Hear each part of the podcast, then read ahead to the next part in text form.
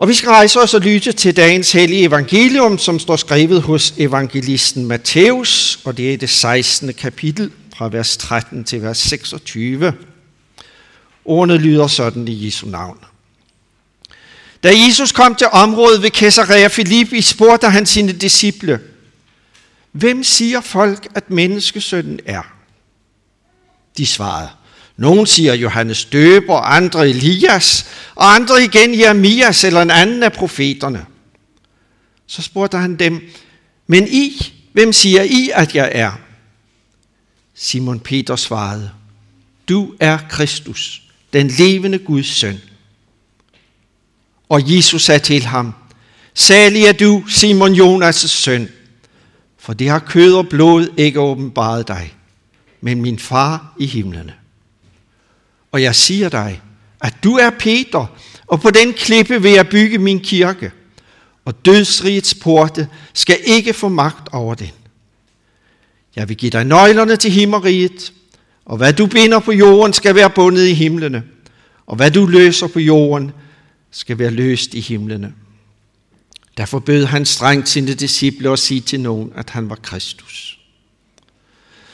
Fra da af begyndte Jesus at have lavet sine disciple vide, at han skulle gå op til Jerusalem og lide meget ondt af de ældste og ypperste præsterne, og de skriftkloge og slås ihjel og opstå på den tredje dag.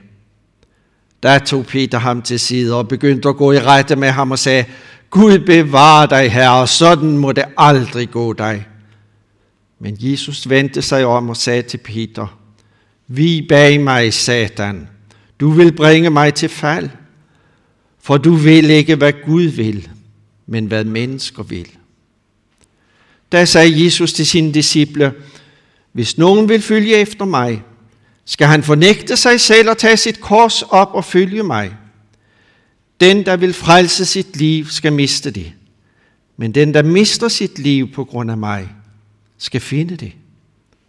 For hvad hjælper det et menneske at vinde hele verden, men bøde med sit liv? Eller hvad kan et menneske give som vederlag for sit liv? Amen.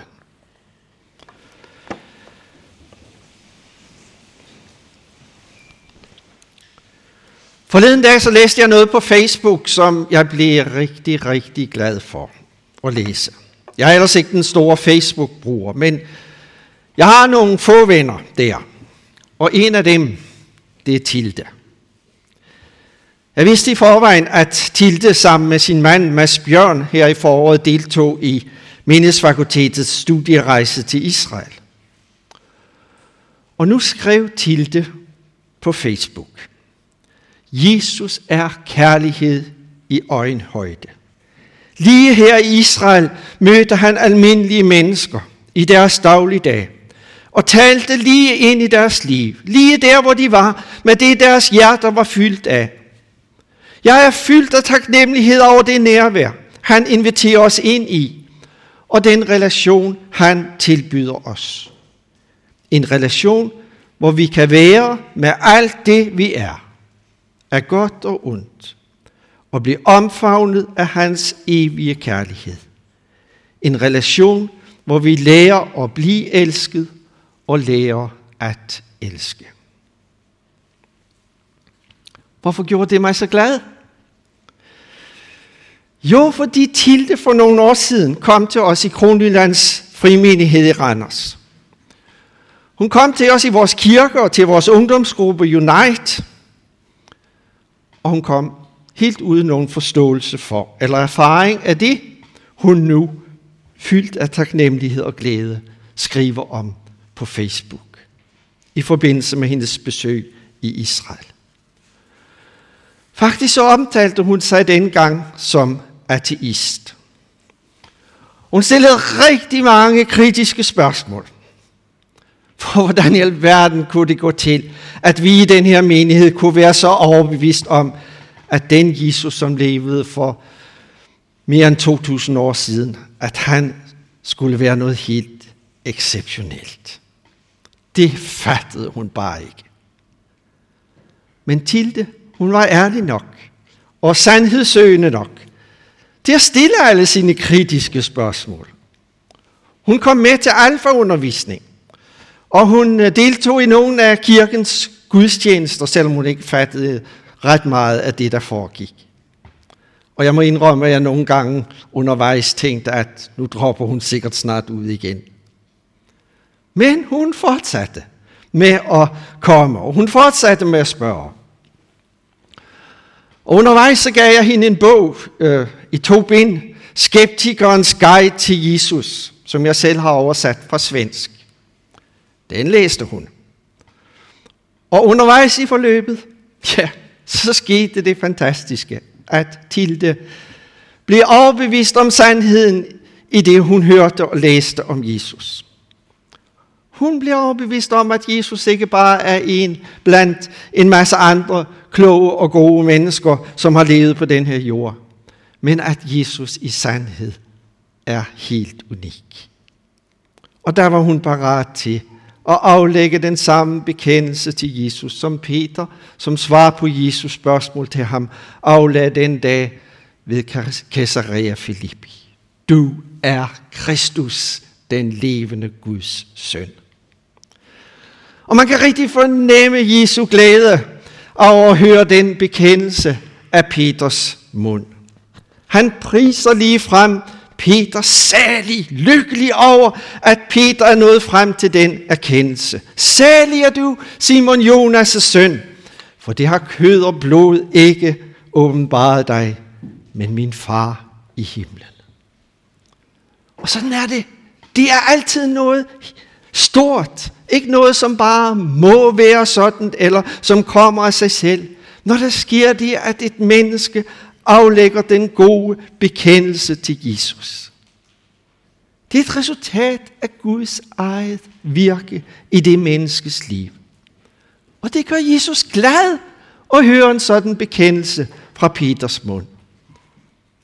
Og det gjorde også mig uendelig glad, da jeg første gang hørte Tilde aflægge den gode bekendelse til Jesus. Og den glæde fyldte mig igen, da jeg læste hendes gode vidnesbyrd på Facebook i forbindelse med hendes besøg i Israel. Og denne gang så lød hendes vidnesbyrd, Jesus er kærlighed i øjenhøjde. Jamen det er jo lige præcis det, der gør Jesus til noget helt unikt. At han er det ultimative udtryk for Guds kærlighed til os mennesker. En kærlighed, som sprænger alle grænser.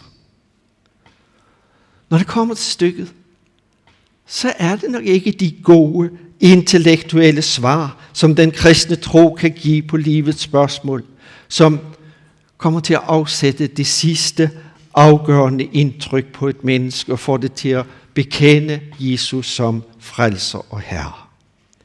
De intellektuelle svar, de kan være vigtige trædesten på vejen mod en kristen tro.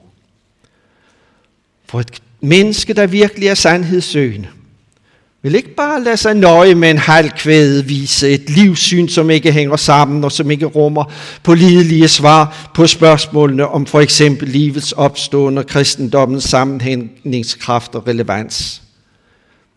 Alle de spørgsmål skal ikke negligeres. Og giv et hvert søgende menneske altid må møde nogen, som vil være med til at tage livtag sammen med ham eller hende med deres spørgsmål og indvendinger mod den kristne tro. Og på den måde tage spørgsmålene og indvendingerne alvorligt. Jeg tror, at alt for ofte så har vi ladt mennesker alene med deres spørgsmål. Vi har nærmest krævet af mennesker, at de skulle de måtte parkere deres gode hoved i våbenhuset, ligesom man i gamle dage efterlod sine våben og andres udstyr der på vej ind i kirken. Men når det kommer til stykket, så er det ikke de intellektuelle svar, som fælder udslaget for det enkelte menneske. Men det er mødet med Jesu kærlighed. Og det er blevet draget ind i en relation til ham på et personligt plan, så man ved sig fagnet af hans kærlighed, sådan som Tilde skriver om. Og det var det, som på en ganske særlig måde blev levende og stærkt for hende. da hun besøgte det land, hvor Jesus engang gik rundt og mødte mennesker. Mennesker med vidt forskellig baggrund. Nogle med stærkt religiøs farvet baggrund. Andre med nærmest uden nogen som helst af den slags. Præcis ligesom hende selv. Men de blev alle sammen mødt med og favnet af hans kærlighed og inviteret ind i en personlig relation til ham. Det var sådan, det var med Peter. Han var en af dem. En tidligere hårdfør fisker ved Genesarets sø. Hans dag, eller måske rettere nat, bestod i at drage fisk op af Genesarets sø med mere eller mindre held. Jeg ved ikke, hvor meget overskud han har haft til at beskæftige sig med åndelige spørgsmål. Men en dag, så stod Jesus der ved bredden i hans liv, kan vi sige. Som vi hører om i evangelieteksten efter første tekstrække i dag. Og der var altså noget med denne mand, Jesus, som gjorde et så stærkt indtryk på ham. Ikke kun fordi Jesus skaffede ham en enorm fiskefangst den dag, men først og fremmest fordi Jesus vidste, at han brød sig om Peter, som den han var, på godt og ondt. Peter måtte på den dag på knæ for Jesus med ordene, gå bort fra mig, Herre, for jeg er en syndig mand. En ny erkendelse. Men Jesus rejste ham op og sagde til ham, frygt ikke, fra nu af skal du fange mennesker. Så det var kærlighed i øjenhøjde. Og der har man så begyndt en helt ny fase i Peters liv. En ny vandring sammen med Jesus. Og den ene gang efter den anden var Peter vidne til, hvordan Jesus mødte mennesker. Ikke med en masse krav og fordringer om, hvad de skulle gøre for at kunne have med ham at gøre. At så måtte de først, og så måtte de få styr på deres liv og lære at opføre sig på passende vis. Nej, han mødte dem med en accept og kærlighed, som gjorde et voldsomt stærkt indtryk på mennesker. Og som har fået Peter til at måtte undre sig igen og igen. Og det er alt det, som når sin kulmination deroppe ved Caesarea Philippi, hvor Jesus vælger at udfordre sine disciple med spørgsmålet om, hvem siger folk egentlig, at jeg er? Og de kan give mange interessante svar på de spørgsmål. For de har jo godt hørt, hvordan snakken den går, når de har været ude og handle for eksempel og skaffe mad et sted og hørt folk give deres meninger til kende om Jesus. Og det kan vi jo endnu i dag synes, at det er da morderligt interessant at høre om, hvad mennesker tror og tænker om Jesus. Men Jesu mål, det var et andet end at foretage en opinionsundersøgelse. Hans spørgsmål galt, men I, hvem siger I, at jeg er? Det helt personlige spørgsmål. Hvad siger du selv?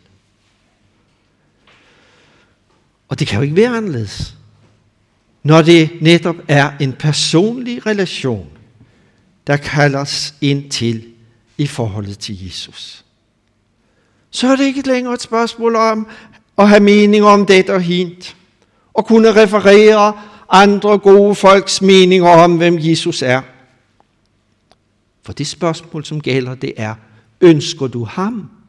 Ønsker du ham og hans indflydelse i dit liv? At han skal være herre og frelser, og du lever i en personlig relation til ham.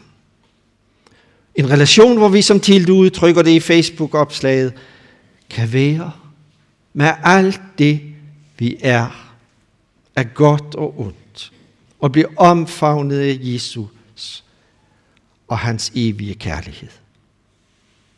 Ønsker du det? Allerede for Peter betød det, at han måtte være der i den her kærlighedens relation til Jesus. Også når Peter trådte forkert. Når han vidste, at der for ham endnu var lang vej igen til at fatte og forstå, hvad det hele egentlig gik ud på. Og det kom frem, da Jesus på det her tidspunkt, hvor der har lyttet den her stærke bekendelse til ham som Guds søn og folkets messias, begynder at tale om sin forestående lidelse og død. Det finder Peter oprøret og helt hen i vejret. Gud bevare dig, Herre. Sådan må det aldrig gå da. For han fatter ikke, hvordan det kan rime med Jesus status som Messias, kongen og Guds søn. Så aldrig i livet. Så lige netop her, der blegner Peters helgen glorie hurtigt. Og Peter må indkassere en kraftig rettelsættelse af Jesus.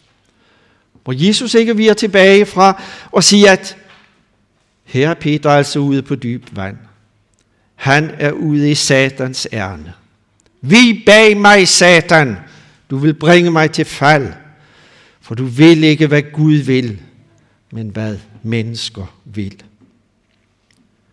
Jeg synes, det er rystende, at der kunne være så kort vej for Peter fra det at aflægge den gode bekendelse til Jesus, og så til at gå hen og blive en talsmand for den sataniske fristelse.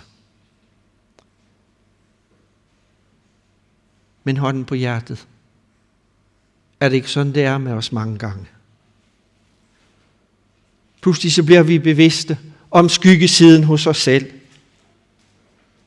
Og der slipper måske, ligesom for Peter, noget ud af vores mund, som vi tænker, det skulle aldrig nogensinde være sagt. Peter bliver kraftigt belært og i rette sat af Jesus. Men vi, der kender den videre historie, vi ved, at han blev ikke afskrevet af Jesus. Heller ikke efter, at han senere i ypperste præstens gård havde fornægtet et hvert kendskab til Jesus. Ikke engang da blev han afskrevet som disciple. Og afskrev, ikke afskrevet som den, som Jesus på grund af hans bekendelse til ham ville bygge sin kirke på, som på en fast klippe. Det er alt sammen noget over noget. Ligesom det er noget over noget, at vi får lov at være med. Er vi klar til at tage imod det her som et sikkert og pålideligt vidnesbyrd om, at Jesus handler sådan med mennesker, og handler derfor på samme måde med os. Jo, det er virkelig kærlighed i øjenhøjde, vi bliver vidne til.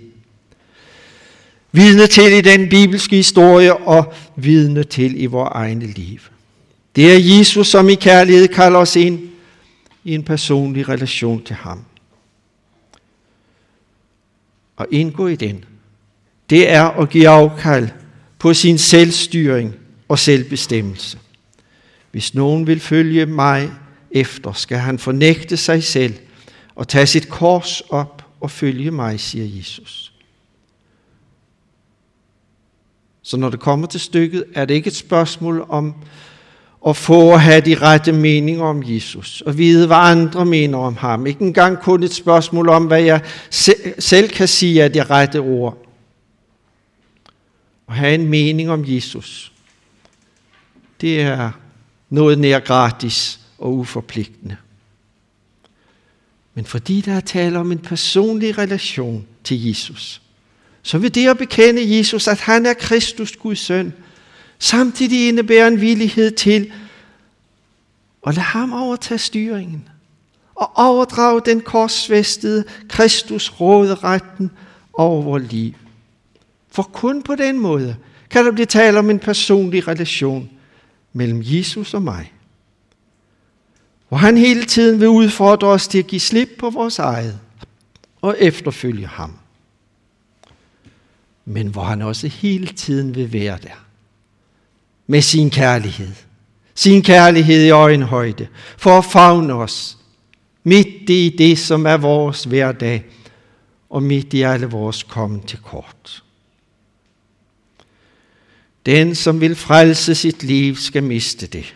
Men den, der mister sit liv på grund af mig, skal finde det, siger Jesus. Hmm.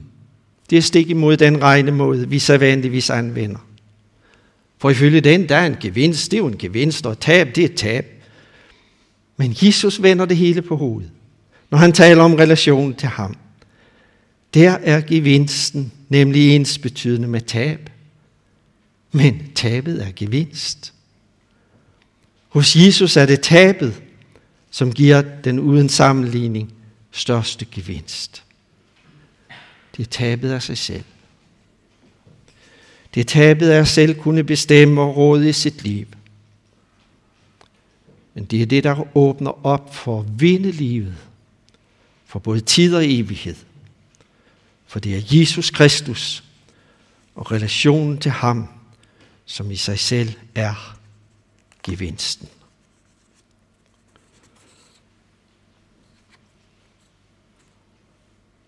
Lov og tak og evig ære være dig, Gud Fader, Søn og Helligånd. Du som var, er og bliver en sand treenig Gud. Højlovet i al evighed. Amen.